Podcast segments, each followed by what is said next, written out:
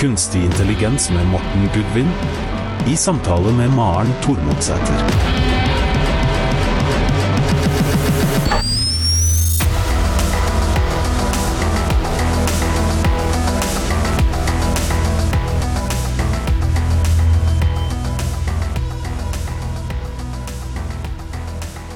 Det skjer stadig mye innen film og kunstig intelligens. Og det er nettopp det vår podkastepisode nå skal handle om. For eh, vi har snakka litt om det tidligere, men har ikke helt vært oppe og nikka på bra kvalitet. Men nå har det kommet noe helt revolusjonerende, Morten. Ja, nå er vi kunstig intelligensforskere slått i bakken, og det er nesten resten av verden også. For nå har det kommet en ny algoritme som virkelig kan lage god film, god videosnutter, og den algoritmen heter Sora. Sora, Hva betyr det for noe? Sora, ja, det betyr eh, å, himmel på japansk.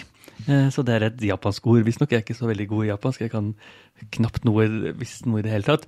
Men det er OpenAI som har levert Sora. Nok en gang OpenAI som leder an dette kappløpet her. Mm. Og det, det, er nok litt i retning av we reach for the sky, vi løper mot himmelen. Her er liksom himmelen er vår grense, som da ikke er noe grense i det hele tatt. Mm. Tanke med denne såra. Og hva tenker du om det? Høres det riktig ut? Ja, det, det er i hvert fall fantastisk god, uh, gode bilder og videoer som kommer ut av såra. Mm. Den er så god at jeg nesten ikke tror at det er kunstig intelligens som har laget det. Det er helt fantastisk. Det er eh, nok en gang OpenAI som viser hvem som leder an dette kappløpet. Virkelig drar kunstig intelligens-revolusjonen et hakk videre med Sora. Og i denne episoden så kommer vi til å ha noen lenker i teksten. Bare sånn at lytterne vet om det, for da kan dere gå inn og se selv. Ja, det er sant. Vi kommer til å lenke til både den vitenskapelige arbeidet som såret er, samt noen eksempler på videoer på bruk av Sora. Og Sora er jo da en videogenereringsverktøy. På samme måte som ChatGPT kan lage tekst, mm. Dali kan lage bilder, kan Sora lage video. Man kan prompte, man kan skrive en liten tekst. Jeg vil gjerne ha en hund som danser i, i snøvær, f.eks., og så kan Sora lage en film som passer. Mm. Så jeg tror nok det er fint hvis noen lyttere stopper i bilen sin og eh, går på, inn på lenkene og ser på hvilke fantastiske videoer som vi viser til. For vi kommer til å forklare videoer i denne episoden, og vi kommer til å være eh, veldig beskrivende, men allikevel. Det er noe når du ser det med dine egne øyne, hva teknologien faktisk klarer. Yes. Men skal vi begynne litt sånn teknisk? Ja. Vi kan, vi kan, jeg tenkte vi kunne begynne hvor raskt dette går. Ja. For, for et år siden, eller litt mer, så kom det flere slike videogenereringsverktøy. Mm. Eh, og Imagine Video fra Google var en av disse. Og det lenker vi også til i podkastteksten. Og den har vi en episode av òg, har vi ikke det? Vi, har det. Og da var vi også forbløffet over hvor fantastisk mm. den teknologien kom. Men akkurat nå så har jeg eh, Imagine Video foran meg, og her ser vi jo god bruk av video mm. generert. Men det er noe rart der. Når personen med snøskuffe skuffer snø, så er det en bløt, eh, eh bløt spade, f.eks., som vi ikke vet at egentlig er. Og når vi ser en hest løpe av gårde, så plutselig har hesten tre bein, og så plutselig har hesten fire bein. Og når vi ser katten hoppe bak sofaen, så faller det, og så er det et eller annet rart. Det er noe som ikke passer med fysikken. Ja, det er noe rart med ikke tyngdekraft, og ikke Ja, det sklir litt og hakker, og det flakker litt sånn i videoen. Eh, noen bambusblader som blir helt sånn Ja, akkurat som det er veldig mye vind og kornete i det. ja, vi, vi, kan se at det ikke er ekte mm. ganske fort. Men dette er for drøye året siden. Og vi vet at kunstig intelligens-forskning går raskt. Såra er helt annerledes. Så nå byttet vi til en video generert av Såra, og dette er jo en av de veldig fine videoene som er generert. Her ser vi en japansk kvinne bevege seg midt i en japansk by, mm. litt i slow motion. Og det hele virker jo helt fantastisk imponerende ut. Her er det virkelig forstått fysikken. Jeg kan knapt tro at dette er generert av kunstig intelligens. Nei, for dette ser jo virkelig ekte ut. Uh, hun går stødig og fint og virker naturlig i bevegelsene. Ansiktet virker helt perfekt. Øynene som ligger bak, eh, solbrillene her ser jo helt fantastiske ut. Og det skulle jeg nesten tro at dette var en del av en liten kortfilm Mm. laget eh, av noen mennesker. Men tror du de har eh, tatt på solbriller for eksempel, da, for at, fordi det er vanskelig med øynene, eller er det bare fordi det ser fint ut? Ja, selve prompten har vi, og det de har skrevet inn er A stylish woman walks down a Tokyo street filled with a warm, glowing neon animated city signs. She wears a black leather jacket, long dress and black boots. Så Ja. solbrillene har eh, Sora selv funnet på. Ja, og det er jo litt rart med solbriller på kvelden, kanskje, men uh, Ja, det spørs det hvor stilig du er. Ja, det er akkurat det. Så det kan det være. Men det er nok, det skal jo sies at såret Sora er ikke tilgjengelig for allmennheten enda. Den blir nok det veldig snart. Jeg har ikke tilgang. Det er noe som kalles Team Red som får tilgang. De som virkelig er sånne tidlige brukertestere for OpenAI. Så det betyr at de videoene vi refererer til, de er valgt ut av OpenAI. Og de kan godt hende de har valgt ut de aller beste. ikke sant? Og da kan det jo være at de hadde en video med solbriller og en uten, og så velger de med solbriller fordi det ser litt bedre ut. Jeg tenkte vi kan titte på et par andre videoer også. Her er en video av mammuter som beveger seg gjennom snølandskapet. Wow, Og og her anbefaler vi jo å gå inn på lenken og se på det samtidig som oss. Eh, For dette ser jo helt, eh, helt vilt ut. Det ser helt fantastisk ut. Hadde jeg ikke visst at vannmøter ikke fantes, så er jo dette i hvert fall på høyde med det jeg så på som barn av eh, filmer. Jurassic Park, for eksempel, som har helt fantastisk teknologi. Dette overgår dette helt eh, enormt. Eller her ser vi en film av en eh, mann som er landet på en fremmed planet. Romskip kanskje med strikka vest og et tinnromskip. Tinn, romskip. og det ser jo ut som en sånn lavbudsjettsfilm som kunne vært lagd blant noen studenter, f.eks. Ja, og mer enn det òg. Jeg syns det, det er bra. Veldig, veldig bra. Eller her ser vi et landskap utenfor vestkysten av USA, kanskje. I hvert fall ligner det voldsomt. Og det å få til disse bølgene, eksempel, som skyller innover land, det, er imponerende generert. Ja, og, og også kameravinkelen. Kamera snur, beveger seg, flyr gjennom. Det virker som det er en sånn dronebevegelse som skjer her. Eller la oss titte på en til før vi snakker om det tekniske. Her ser vi en animasjon av et ja, monster, kanskje, som leker litt med stearinlys. Og dette kunne vært en del av en Pixar-film, kanskje. Men er det enklere å lage animasjon og typ, de, det som ikke skal se helt ekte ut, enn eh, realistiske mennesker? Ja, så, så det har alltid vært enklere. For vi mennesker er utrolig gode til å se mennesker, og se når det er feil hos mennesker, eller når øynene ikke stemmer, eller når halsen ikke stemmer, osv. Og, så og i live-presentasjonen av Sam Altman så gjorde han noen prompter, og da så vi jo at det var et par steder hvor det ikke stemte helt som det skulle, mens disse live-animasjonene fungerte veldig mye bedre. Hvis du ser her er jo et nærbi- nærbilde av et menneske Et og et øye, øye, og vi ser jo dette øyet ser jo ut som et øye, gjør det ikke det? Jo, Det er i absolutt. hvert fall det ja, det er vanskelig å se, se det på som noe annet enn et fantastisk øye. Vi har også et bilde av, av en, et marked i, i Lagos, og alle menneskene, selv de som er i framkant og i bakkant, ser jo helt perfekt ut. Men nå må vi høre litt. Hva er det teknisk som skjer her? Ja, teknisk så er ikke denne metoden så veldig forskjellig fra f.eks. hvordan ChatGPT genererer tekst, eller hvordan Dali tegner bilder. Dette er det vi har snakket om før, som kalles en diffusjonsmodell. Det kan jo godt hende vi bør Ja, forklare jeg tror vi må forklare, Ja. forklare det litt. Ja. Så, så en diffusjonsmodell, det er en form for generativ kunstig intelligens, altså som skaper data. Og helt sentralt i disse diffusjonsmodellene er at man starter med tilfeldighet. Man starter liksom med rent type støy.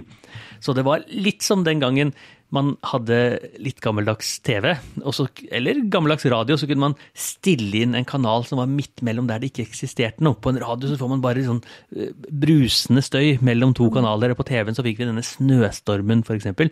Det er tilfeldighet. Jeg vet ikke om du husker den Jo, tiden? jeg jeg, husker det, jeg husker det sånn litt. Så diffusjonsmodell bygger på det prinsippet at man starter med helt tilfeldighet, og så lærer man hva som ikke er det som skal genereres. Så hvis man f.eks. har en ambisjon om å lage en hund, så fjerner man det som ikke er hund i støybildet. for å klare det Men, for, men hvordan unngår man at man ikke fjerner for mye, da? Ja, det er veldig vanskelig. Ja. Så det er jo Og det er jo det som er trik, trikset, egentlig. Og, og hvor god den blir til å fjerne det som ikke er relevant og relevant. Og bare for å skjønne hvor vanskelig det egentlig er, så kan vi tenke på en, en analogi om noe helt annet. Hvis du blander melk i kaffen, eller hvis du blander saft, f.eks. Så er det en veldig enkel prosess. Jo, du har konsentrert saft, og så har du vann, og så heller du konsentrert saft i vann, og så rører du kanskje litt, og så får du da saftblanding. Så det er enkelt. Men å fjerne vannet fra saften, som er allerede blandet, eller fjerne saften fra vannet, det er en veldig, veldig vanskelig prosess. Og det er det den gjør. Det er akkurat det den gjør. Ja.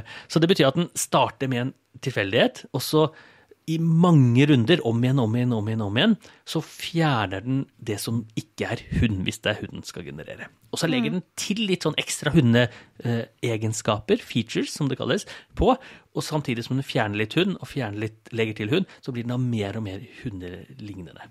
Og det Sora får til, da, som veldig mange andre ikke får til, det er nettopp det du er inne på. Å fjerne akkurat riktig mengde til bilde, akkurat riktig mengde, eh, som gjør at man ikke går ut i feil bilder, at det blir litt kattehund f.eks., eller du får fem bein på en eh, hund som kanskje bare skulle ha fire, osv. Og, det, og de har innført noen triks for å få dette til. Og et triks som Sora har gjort, det er at de har eh, introdusert det de kaller patcher. Eh, Og nå blir det jo litt teknisk, men vi skal klare å få, med, få folk til å henge med allikevel. Ja, så du må fortelle en patch. Hva er Ja, det? ja. Så i disse generative modellene så må man på en eller annen måte dele det opp i den minste enhet. Og man kunne tenkt at den minste enhet er en piksel. Det kunne man gjort, men det er for detaljert. Så en patch er en del av et bilde eller en video som i seg selv gir mening. Så det kan være f.eks. en sommerfugl som flyr i løpet av tre sekunder. Så da er jo sommerfuglen i seg selv en patch, en egenskap i bildet. Og så kan det være i bakgrunnen kan det være en stein. Stein er en patch. eh, Og steinen er stille. Så det helt kan være stille. mange patcher i ett bilde. Enormt mange patcher i et bilde. Og det som er egentlig helt fantastisk at de har fått til, er at disse patchene også strekker seg over tid. For det er ikke sånn at det er én patch i, i første ramme, frame, eh, neste patch i neste bilde og en annen patch i neste bilde. Den går også over tid. Så sommerfuglen som flakser, eller måken som beveger seg framover, eller bilen som kjører framover, det er én sammenhengende patch. Så hvis du fjerner sommerfugl, så fjerner du liksom fra hele bildesekvensen. Men sånn som det bildet vi så med hun dama som gikk gjennom en eh, by. Er da hele byen én patch, eller er det én lysstolpe en patch, og en ny lysstolpe og et bygg er én patch? Ja, snarere det siste, og kanskje enda mer detaljert enn det. Det kan være at eh, eksempel eh, lyspæren er en patch, og ta, eh, altså, rammen rundt lyspæren er en patch, ikke sant? og solbrillene er en patch, hatten er en patch, Så dama er ikke en patch, men Nei, nei, dama-. Håret er en, og solbrillene er en, som du sier. Mm. Dama består av veldig mange forskjellige patcher samtidig. Ja. Og det er jo derfor da, man kan si sånne ting som få en grønn jakke eller rød jakke eller solbriller eller caps eller, eller at man har kule boots. liksom? For det er disse her. Den forstår. Men en patch er fortsatt ikke så liten som en piksel. Det er ikke, det er ikke på det nivået, men det er på en beskriven, et beskrivende objekt. Helt, helt riktig. Det er på, på en måte et objekt over tid, som, Mm. er, som varer, varer over tid. Så i chat-GPT-verdenen så kalles patcher for tokens. Så de som har jobbet med chat-GPT, har sikkert fått med seg at, at det finnes en rekke tokens, og disse tokens er på en måte hvordan man deler språket inn i så små deler som mulig. Ikke nødvendigvis ord, og ikke nødvendigvis eh, bokstaver, men et eller annet sted midt imellom, som er sånn den minste delen som kan passe inn. da. Så det er jo litt sånn balanse. Hvor stor skal en patch være? Jo, den bør åpenbart være større enn en eh, piksel, og den bør åpenbart være mindre enn hele bildet. Eller hele dama blir for vanskelig. Men øredobber, knapper osv. Så det er på en måte noe som er lagra i noe. Ja, det kan du godt si. Den har lært seg opp, på en måte. Ja. Og da er det sånn at sommerfugler beveger seg som sommerfugler. Nesten alltid. ikke sant? Hår flyter som hår. Nesten alltid. Mens knapper er noe helt annet enn hår. Og det har man lært seg det. For de som driver med programmering, er det litt som en variabel? At det er lagra som en slags variabel og kalles en patch? Ja, det, kan du godt si, men det er, en, det er en, mer som et objekt, tenker jeg. En objekt kan jo også være en variabel. For det er som en sammenhengende gruppe av egenskaper til noe. For eksempel da en sommerfugl eller en katt. Eller et kattøre, da, eksempel. Så det er, det er trikset. Ja, så nå har den da det den gjør, er å eh, ta det masse støy, masse store, stort bilde, litt saft, eller ferdig blanda saft, Ja. og trekker ut saften, trekker ut det som er relevant, og Ja, lagrer det på en måte i patcher. ja. Og hva Har vi ferdig resultat da? Da har vi nesten ferdig resultat. Eh, Forskjell, problemet da er at den er ikke spesielt god.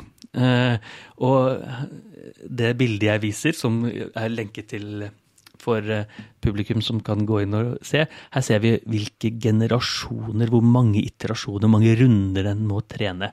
Så akkurat her så er det en bilde av en hund som danser, og etter første runde, det som kalles base compute, så ser vi jo da ja, kan det være en hund, kanskje? Eller hva, ja, det hva blir det? En mølje med Ja, det skjer mye rart. Ja. Men vi kan fremdeles se litt i patchene. Vi kan se snuten, Ja. og vi kan se øynene, og vi kan se lua, for det er en hund med lua av en eller annen grunn. Og vi ser at det er snø. Ja. Ja. Så ville jo sagt, vi ville jo blitt imponert for to-tre år siden med denne type gener generering. Og så ser vi når den har kjørt den samme sånn fjern støy, fjern støy, fjern støy fire ganger, så får vi en mye mer realistisk hundebilde. Det er jo litt sånn tegneserieaktig etter fire generasjoner, og det er litt sånn blørig, kanskje. Vi ser jo tydelig tunga fungerer, tennene fungerer, nesa er litt sånn rar osv. Men ja, den går ikke i oppløsning som i første. Nei. Den går ikke inn i seg selv. Den er litt mindre alien enn første, første, første variant. Og den, vi kan tydelig se at det er en hund. Mens etter 32 runder da, som de har kjørt eh, dette her, så får vi opp en eh, veldig, veldig realistisk hund. Som eh, tilsynelatende ser ut som en helt ekte hund. Eh, I litt slow motion. ja, absolutt. I slow motion. Og det at det er slow motion, det er faktisk et litt poeng. Det kommer vi til litt senere. Ja. Alle bildene og alle videoene her er i slow motion av en eller annen grunn. Hmm. Ja, den får vi la, la henge litt. Eh, Men hvor mye datakraft kreves? Er det sjans for at eh, hvermannsen kan ta dette i bruk, eller krever det enorm kapasitet Ja, for å så- generere dette? Så dette kommer til å bli tilgjengelig som en tjeneste, sånn som ChatGPT. Som betyr Mm. at vi trenger ikke å bry oss om datakraften, for det skjer hos OpenAI. Men den er jo enormt stor, det må den være. Vi vet ikke hvor kraftig dette kommer til å Kraftige datamaskiner som trenes opp her. Antageligvis gigantiske, og vet ikke helt hvor mye som kreves for å generere noe heller. Også veldig, veldig mye mer enn ChatGPT. Så det kommer til å bli tilgjengelig. Det kommer antageligvis til å koste litt penger for å få dette, for sånn skal OpenAI tjene. Det er ganske mye eh, som skal til. Men det kommer til å bli som en tjeneste. Det er bare prompt noe, spør noe, så får du ut en video som passer for deg. Plutselig kan alle lage video. Ja, og det er jo dette Hollywood er litt redd for, ikke sant. Når jeg kan lage en video som ikke har noe videokompetanse fra før, som jeg har tatt bilder av mine barn og film av, av eh, akvariet mitt osv., klarer å lage video som ser tilsynelatende helt god ut, så vet vi at uh, nå skjelver Hollywood og de andre filmskaperne litt i buksene sine. Ja, for de har jo Vi har snakka om det tidligere, at de har mm, lagd eh, en regel, kan man si det? En, ja. På at man må bruke ekte mennesker. Ja, det var en streik i Hollywood ja, som, Ja. eh, Gikk, som gikk på mye av dette her. Hva skal man bruke kunstig intelligens til, og hvilke rettigheter har skuespillere? Og en av de avtalene de kom med, var at eh, nå skal vi virkelig bruke ekte mennesker i videoene. Man skal ikke bruke kunstige mennesker. Eh, Og det kan man jo spørre seg, er det fornuftig eller ikke? Det er sikkert fornuftig for de som er skuespillere, åpenbart. Men det er ikke sikkert det er så fornuftig for filmstudioene i Hollywood. For det Hvorfor tror du man blir litt tvunget? Hvordan er Tvunget til å Ja, til å måtte ta det i bruk. Ja, til å Ja. ikke sette seg på bakbeina og si unnskyld, men dette vil ikke vi forholde oss til. Ja, det, Det det er jo tror jeg litt det de gjør, kanskje. Ja, det tror jeg. Jeg tror at eh, hvis Hollywood fortsetter å gå i denne restriktive veien, og vi ser teknologien utvikle seg så raskt, så kommer f.eks. Bollywood til å lage videoer som er helt fantastiske, og får en, s- en brøkdel av kostnaden for det som lages i Hollywood. Og da, hvorfor skal jeg gidde å se på en ekte skuespiller når jeg kan se på en falsk skuespiller og få oppleve nøyaktig det samme? Få den samme følelsen, få den samme spenningen, osv. Jeg bryr meg ikke om hvordan det er laget. Jeg bare vil se og underholdes. Men kan man eh, per nå legge inn et manus og få en ferdig film, eller kan man kun få en scene av gangen? Man kan kun få en scene av gangen. Ja. Og det er en av de store begrensningene her. Vi klarer å få ut type, la oss si, fem sekunders video eller ti sekunders videoer, men ikke lenger enn det. Og Nei. hvorfor? Det skyldes antageligvis datakapasiteten. Man får jo da eh, ganske mye tyngre å lage halvannen times film enn å lage ti sekunder. Eh, Det er ganske mye mer jobb. Og så er det jo antageligvis det med at vi vet at kunstig intelligens generelt sett har vært litt dårlig til å holde den røde tråden. Vi ser det når ChatGPT skal lage lange tekster. Så blir det litt sånn 'God dag, mann, øksesaft'-skuespill. Plutselig kommer det inn en ny person, osv. Og, så og det er det som vi ser her. Vi får kanskje ikke dramaturgien på plass, men vi får enkeltscener. Så kanskje kan det være da at man lager en rekke enkeltscener med denne kunstig intelligensen, og så slår man det sammen, og så blir det sånn sett eh, godt. Men kan også- man da hente opp det samme miljøet tilbake igjen til den uh, dama som gikk ned i uh, en, et bymiljø? Uh, kunne man tatt samme bakgrunn Ja, det er i, på dagen, for eksempel? Eller, uh, Ja. eller ville det da generert noe helt nytt? Ja, svar- Svaret er begge deler. Så Ja.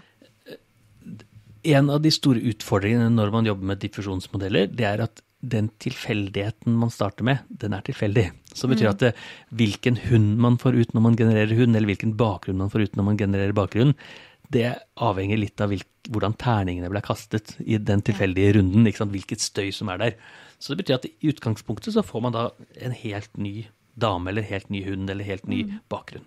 For det der passer til beskrivelsen. Det kan være en, en eh, japansk by, eksempel, men det kan plutselig være en helt annen en. Så sånn Men- som denne hunden som er, løp, er på tur, som vi har Mm. sett på nå, eh, den eh, Det kunne kanskje ha blitt en St. Bernhardshund Ja, hvis vi hadde fortsatt filmen. Helt riktig. Det kunne det plutselig blitt. Og det ville vært en litt kjedelig film hvis vi plutselig Oi, jeg er en helt annen skuespiller. Hovedpersonen Ja, endrer seg. Ja, det ville vært litt rart. Så det er litt rart. Men så skal det sies da at en av de oppgavene som, som eh, Sora er ganske god på, det er å slå sammen filmer. Har du en film, så kan du justere den. Jeg vil gjerne ha den litt mer sånn. Jeg vil gjerne ha en litt annen skuespiller, osv. Så, videre, så du kan styre det litt. Jeg lurer på vi skal gå litt tilbake til den tekniske biten, som, Ja. hvordan det gjøres, og så skal vi snakke enda mer om fordeler og ulempene.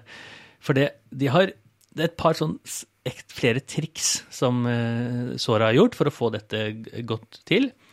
Og en av de kanskje litt åpenbare, men allikevel nyttige, det er at eh, de aller fleste som har trent opp videokunstig intelligensgeneratorer før, de har delt filmen og bildet i veldig, veldig små deler. Altså de har tatt, kanskje delt et bilde i 16 eller 32 eller 64 biter.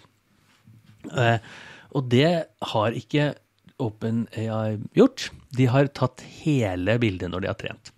Så her ser vi et eksempel på når man har delt et bilde som har med å dykke i Middelhavet å gjøre. Og når man deler opp i små deler, ikke patcher, men i små deler av bildet, så blir de andre kunstige intelligensene veldig gode på å generere deler av bildet. Mens eh, Sora er veldig god på å generere hele bildet, hele videoen. Og mens de andre da får et utsnitt av en person som dykker, så får Sora hele personen som dykker. Og det er veldig mye mer intensivt å trene på hele videoen enn det er å trene på enkeltbilder eller enkeltdeler av videoen. Så det er et triks. Et annet triks de har gjort, er noe som kalles recaptioning. Og det er jo da at når den har trent eh, når den trener seg opp, så har den selvfølgelig hentet videoer fra andre steder. Den har antageligvis hentet masse videoer fra YouTube. Den har antageligvis hentet masse videoer fra en, sånn, en motor som heter Unreal, for å generere spillverdener osv. Og, så og veldig mange av disse videoene er forklart ganske enkelt. Så hvis du har en hund som leker i parken, så kanskje er captioningen er, altså beskrivelsen til den videoen, en hund som leker i parken. Men den beskrivelsen er ikke god nok for videoene, for den, hva betyr det? Jo, er det, hva er bakgrunnen, hva er familien som er i siden osv. Det er ikke det som du kanskje beskriver videoen med, du bare forteller hun som leker i parken. Mens for kunstig intelligensen så vil du gjerne ha en mye, mye mer detaljert beskrivelse av hva som skjer.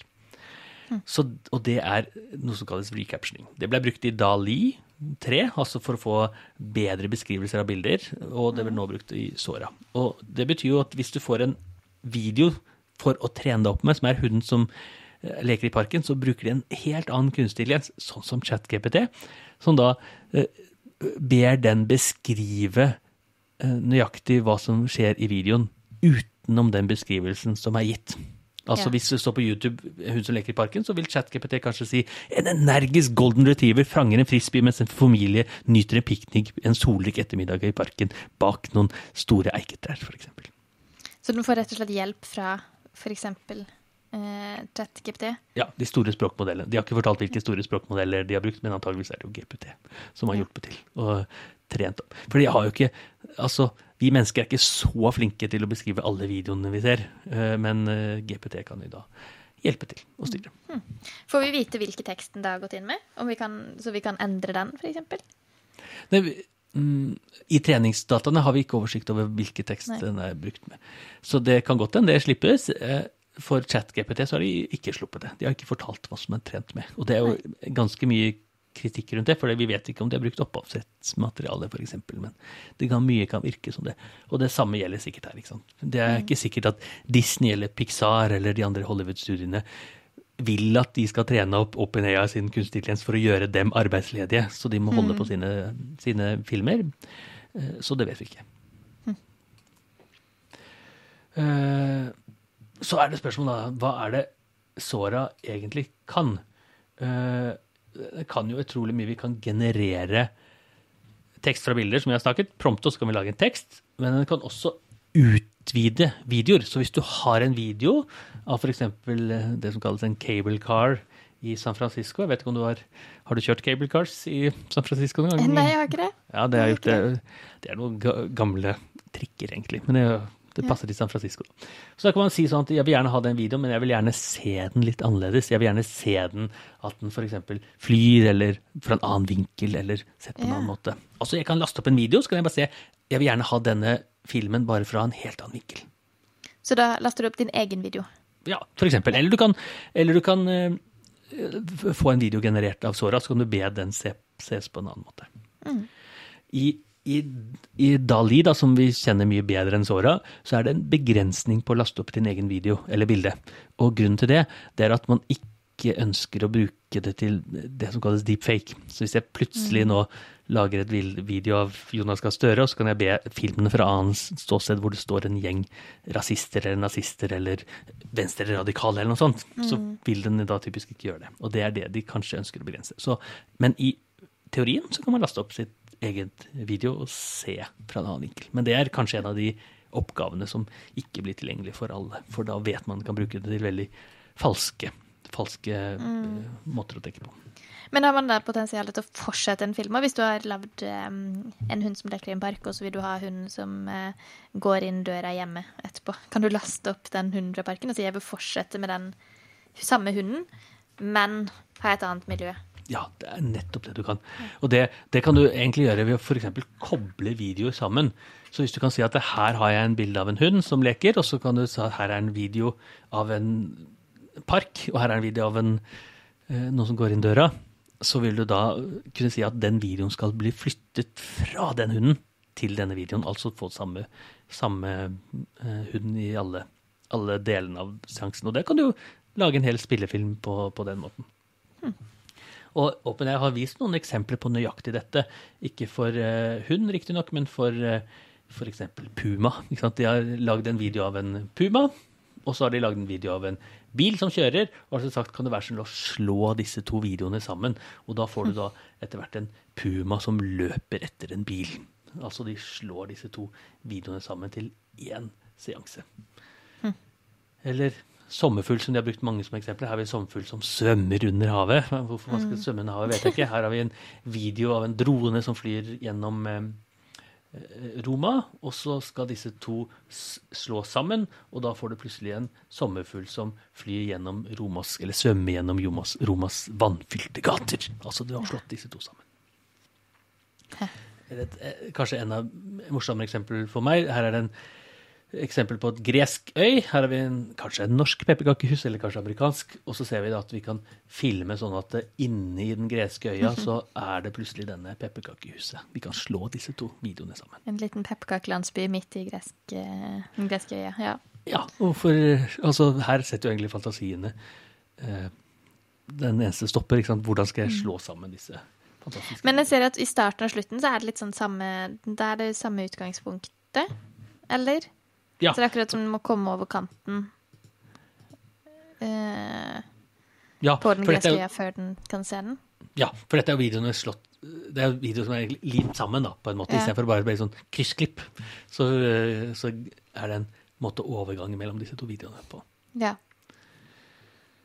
Eh, Så da Men det er jo eh, ja, en av veldig mange måter eh, vi kan få da. Og vi kan også få det som vi snakket om, dynamisk kamerabevegelse. Og her ser vi jo eksempler på dronefilmer, kan du si, hvor den da beveger seg og snur seg og flyr nesten gjennom gater i eh, Kina, er det kanskje, som presenteres. Eh, men altså på en måte som vi kanskje ikke har sett eh, noen gang før. Kunne jeg også tatt eh, gamle videoer og bedt om bedre kvalitet? Ja, det kan du definitivt gjøre. Ja. Eh, og du kan gjerne liksom, Kanskje er det en ekskjæreste du ikke vil ha med i den videoen, så du kan jo bare fjerne han for eksempel, eller hun. Så det, det går. Og så kan du også lage bilder. Den kan også lage enkeltbilder av, av ting, sånn som Dali kan gjøre. Og den, de forteller at det gjør den på mye høyere kvalitet enn det Dali eller Midjourney gjør. Men det er flere begrensninger i eh, såra. Som, Den er ikke helt eh, komplett ennå. nei, det kommer til å være mye forskning. Så de forteller jo selv at det er begrensninger i fysikken, f.eks. De har ofte sett at eh, noe ikke oppfører seg sånn som det gjør i den virkelige verden. Typisk at et glass knuser på en helt annen måte. Glass kan plutselig oppføre seg som vann, eller vann kan oppføre seg som glass. Eller? Vi har ikke den gode forståelse Vi mennesker har kjempegod forståelse for fysikken rundt oss. Vi er jo oppvokst i vår fysiske verden. Det har ikke denne såra like godt, så det kan plutselig skje. Og det er også sånn at det, det kan være objekter som er påvirket av et annet objekt, men så glemmer det objektet at det har blitt påvirket. Så et typisk eksempel ville vært at man spiser en hamburger, eksempel, og så har man tatt en bit, men i neste runde så er ikke den biten blitt tatt av hamburgeren. For den har liksom glemt at den har blitt spist, på en måte. Så det er altså måter å tenke på at vi sier at vi ja, at den ikke klarer å oppleve det, den riktige fysikken, eller den riktige tilstanden til et objekt, på måter som vi forventer at, at skjer. Og da handler det jo selvfølgelig om eh, eh, flere ting her. At, at den har jo ikke den forståelsen av verden som vi har. Og det gjør seg også til ved at objekter plutselig kan dukke opp helt sånn out of the place, uten at man egentlig hadde planer om å ha det med. Det kan plutselig være en katt midt i en hundevideo, eller det kan plutselig være et helt annet objekt eh, som en del av en Minecraft-video som ikke har med Minecraft å gjøre. Det bare dukker opp. Og det er litt sånn eh, at man ikke klarer å holde fokus. Og eh, igjen, samme ser vi på ChatGPT, at den lager en tekst, og så plutselig kommer det en helt ny karakter som ikke har noe med saken å gjøre, og så forsvinner den karakteren igjen. Og akkurat det ser vi her også.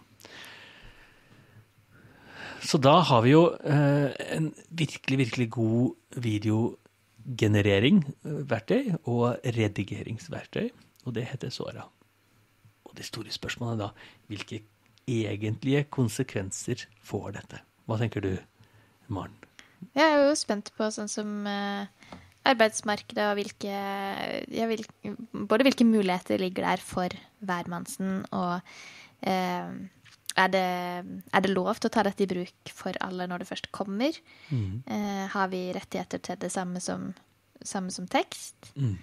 Eh, og samme som Dali med bilder. Eh, kommer det snart noen retningslinjer på hvem som eier det, eller at vi fortsetter vi alltid å eie det alle sammen, på en måte? Ja. Kjempegodt spørsmål. og Der tror jeg vi ikke helt vet hva, hva svaret blir. Hvem som har rettigheter osv. Vi er liksom helt i startgruppen av disse typer verktøyene. Eh, Jeg vet at eh, det er Stortinget har en ny høringsuttalelse nå som, eh, som handler om rettigheter for å trene kopibeskyttede materiale. Ja. Som, til kunstig intelligens. Ikke såra alene, men det gjelder alle typer oppgaver, egentlig. Og da sier de en sånn som at for undervisningsformål så kan man bruke nær sagt hva som helst. Men skal du bruke det til kommersielt bruk, så må du ha, ha rettigheter. Og du må kunne trekke deg ut. Og det er jo veldig vanskelig å kunne trekke seg ut av en allerede opptrent kunstig intelligens. For du kan ikke glemme noe. Og det kan ikke kunstig intelligensen heller. Du kan ikke si nå må du glemme den videoen her du har trent på. Da må du egentlig trene hele kunstig intelligens på nytt. Og det er jo en kjempestor prosess. Det er millioner av kroner å få trent en sånn kunstig intelligens på nytt. Så det er noen praktiske utfordringer der. Ja. Men tror du at den kan eh, påvirke arbeidsmarkedet og økonomien? Jeg, jeg tenker helt åpenbart, jeg tenker alle de som jobber med disse kreative yrkene, lager små videosnutter, enten det er influensere på TikTok, eller om det er noe som driver med markedsføring, eller de som lager utdanningsvideoer f.eks., så har vi jo plutselig noen verktøy som kan fungere helt enormt godt. Og da er det ikke sikkert vi trenger like mange influensere som vi har fra før, når vi kan lage alt sammen kunstig, f.eks. Så jeg tenker også at den har enormt positiv påvirkning da, både til kreativitet og innovasjon. Så plutselig kan også de som ikke har videokompetanse eller filmkompetanse, lage filmer. Mm. og det åpner jo opp for enormt mange muligheter. Og for hvem som helst å kunne leke med å få den filminteressen, f.eks. Ja, det åpner jo opp for, eh, for veldig mye. Ja, nye kunstformer, nye designformer, nye underholdninger som skal tilbys. Og i nyttårsepisoden vår så spådde vi at innen fem år så kommer en underholdning til å være generert for eh, on demand. Og vi vet jo allerede at dette skjer raskere enn vi hadde trodd for mm. litt over en måned siden. Snart kan man kanskje lage en eh, video tilpassa akkurat sitt barn i den, det utviklings, eh, den utviklingsfasen man er, eller barna er i, og, eh, og akkurat med det som barna er mest interessert i. Nettopp. Helt perfekt personalisering. For barn eller for studenter som har en viss eh, kompetanse, eller for og, og mangler en annen type kompetanse, f.eks. Ja, kanskje man kan generere læringsvideo akkurat tilpassa meg på Ja. det temaet. ja. Nettopp. Men tror du det kan brukes litt motsatt vei, da, med å, med å utvikle andre teknologier igjen? F.eks. droner og roboter og, og sånn? Ja, At det kan brukes til å lage At droner? det kan hjelpe den å bli bed de å bli bedre igjen? Det, ja, det kan godt hende, for vi kan kanskje lage simulerte verdener eh, med dette her. Så vi kan fly dronene automatisk i simulerte verdener, istedenfor å ha slike ja, ferdigbygde digitale tvillinger av verden som gjøres i dag. Så hvis man kan trene opp en autonom drone som kjører av seg selv, så, den, så gjør man det gjerne i en simulering først. Og den simuleringen er jo menneskeskapt. Og nå kan vi få den dronen til å trenes opp i videoer lagd av Sora, f.eks. Sånn, som et eksempel. Ja, men Og jeg. Og jeg tenker også at effektiviseringen og tilgjengeligheten kommer til å endre ganske mye. At det er så effektivt og så tilgjengelig kommer til å sette ekstra krav til folk som driver med videogenerering, som kanskje gjør det vanskeligere i- deres arbeidsmarked. Men så har vi også det vi har vært inne på med deepfake. Ja. Den biten er jo ganske skummel. Desinformasjon og manipulasjon er enormt skummelt. Så vi, vi, vi har jo sett masse deepfake av en rekke politikere og andre, og vi har sett eh, nakenbilder av Taylor Swift som er generert av kunstig intelligens uten hennes samtykke, f.eks. Og disse verktøyene åpner jo opp for det samme. Nå vil jo OpenAI selvfølgelig unngå at det brukes til politiske formål, og det vil unngå at det brukes til mobbing eller eh, seksualisering av mennesker som ikke ønsker det, osv.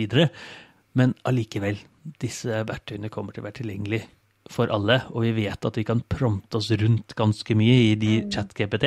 Vi kan spørre på riktig måte, og da får jeg, får jeg det svaret jeg egentlig vil. Det kan også skje med Sora. Og så vet vi at det er jo ikke bare OpenAI som jobber med dette, det er jo en rekke firmaer, Google og andre, som jobber med det. Også open source-mennesker som prøver å lage det samme. Og de har ikke nødvendigvis de samme eh, kravene om restriksjoner om hva de skal brukes til. Ikke Nei. av mennesker, f.eks.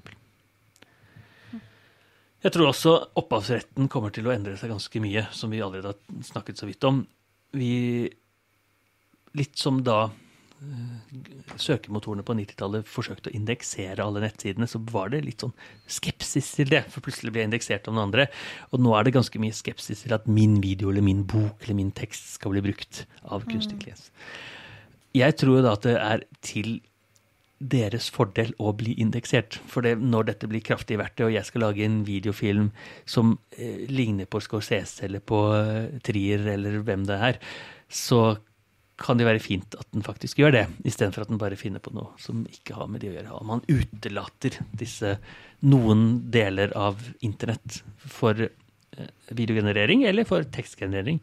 Så utelater man også de for en viktig del av, av eh, det sentrale Et veldig, veldig sentralt verktøy. Mm. Og så tror jeg på litt sikt så tror jeg vi kommer til å få en, eh, en både en sosial og en psyko, eh, psykologisk påvirkning som kanskje ikke nødvendigvis er det vi ønsker. Det er vanskeligere med å skille mellom det som er ekte og det som er falskt. Sånn at vi ikke lenger vet hva som er ekte av våre venner eller våre barn eller foreldre eller hvem det er. Så kan det få oss til å ha helt andre samfunnsforhold og helt andre følelser av Ja, utfordringer, andre ja. Mm. Og utfordringer, ja. ja. Som er eh, kanskje ikke det beste. Men du sa det at det er andre på banen som jobber, eh, jobber med det samme. Tror du vi får eh, noe motsvar nå snart til denne her? Helt åpenbart. Eh, Så spørsmålet er hvor snart dette snart er. Så jeg vet at Google jobber med nøyaktig det samme med Imagine Video, som vi startet eh, tidlig med podkasten med. Og så er det jo ikke sånn at de har ikke gjort noe de seneste halvannet årene. De har også jobbet med det samme. Men nok en gang så blir det da i hvert fall eh, Ser de da eh, OpenAI løpe fra eh, Ja. Google. Så jeg tipper da om en måneds tid, eller kanskje to, så får vi da Imagine Super Video eller et eller annet sånt fra Google. Ja, som er et konkret ja. Ja, det går lynraskt. De kjører alt de kan nå inn i, i, i, i denne type verktøy, på samme Mm. måte som vi har sett de gjør alt for det de en gang kalte Bard, som de nå har rebranda til Gemini, og som er en ny type chatbot som konkurrerer med ChatGPT. Men det tror jeg tar en helt egen episode om akkurat det. Det gjør vi. Så i mellomtiden så er det bare å gå inn og like oss, laste oss og anbefale oss for andre. Og selvfølgelig besøke disse lenkene som viser disse fantastiske videoene som genereres av Sora. Og stille spørsmål. Stille spørsmål, ja. Kunstig intelligens verden er så åpen, og vi er jo helt i starten av en revolusjon, og det blir mer og mer åpenbart for hver eneste episode hvilken teknisk revolusjon vi er.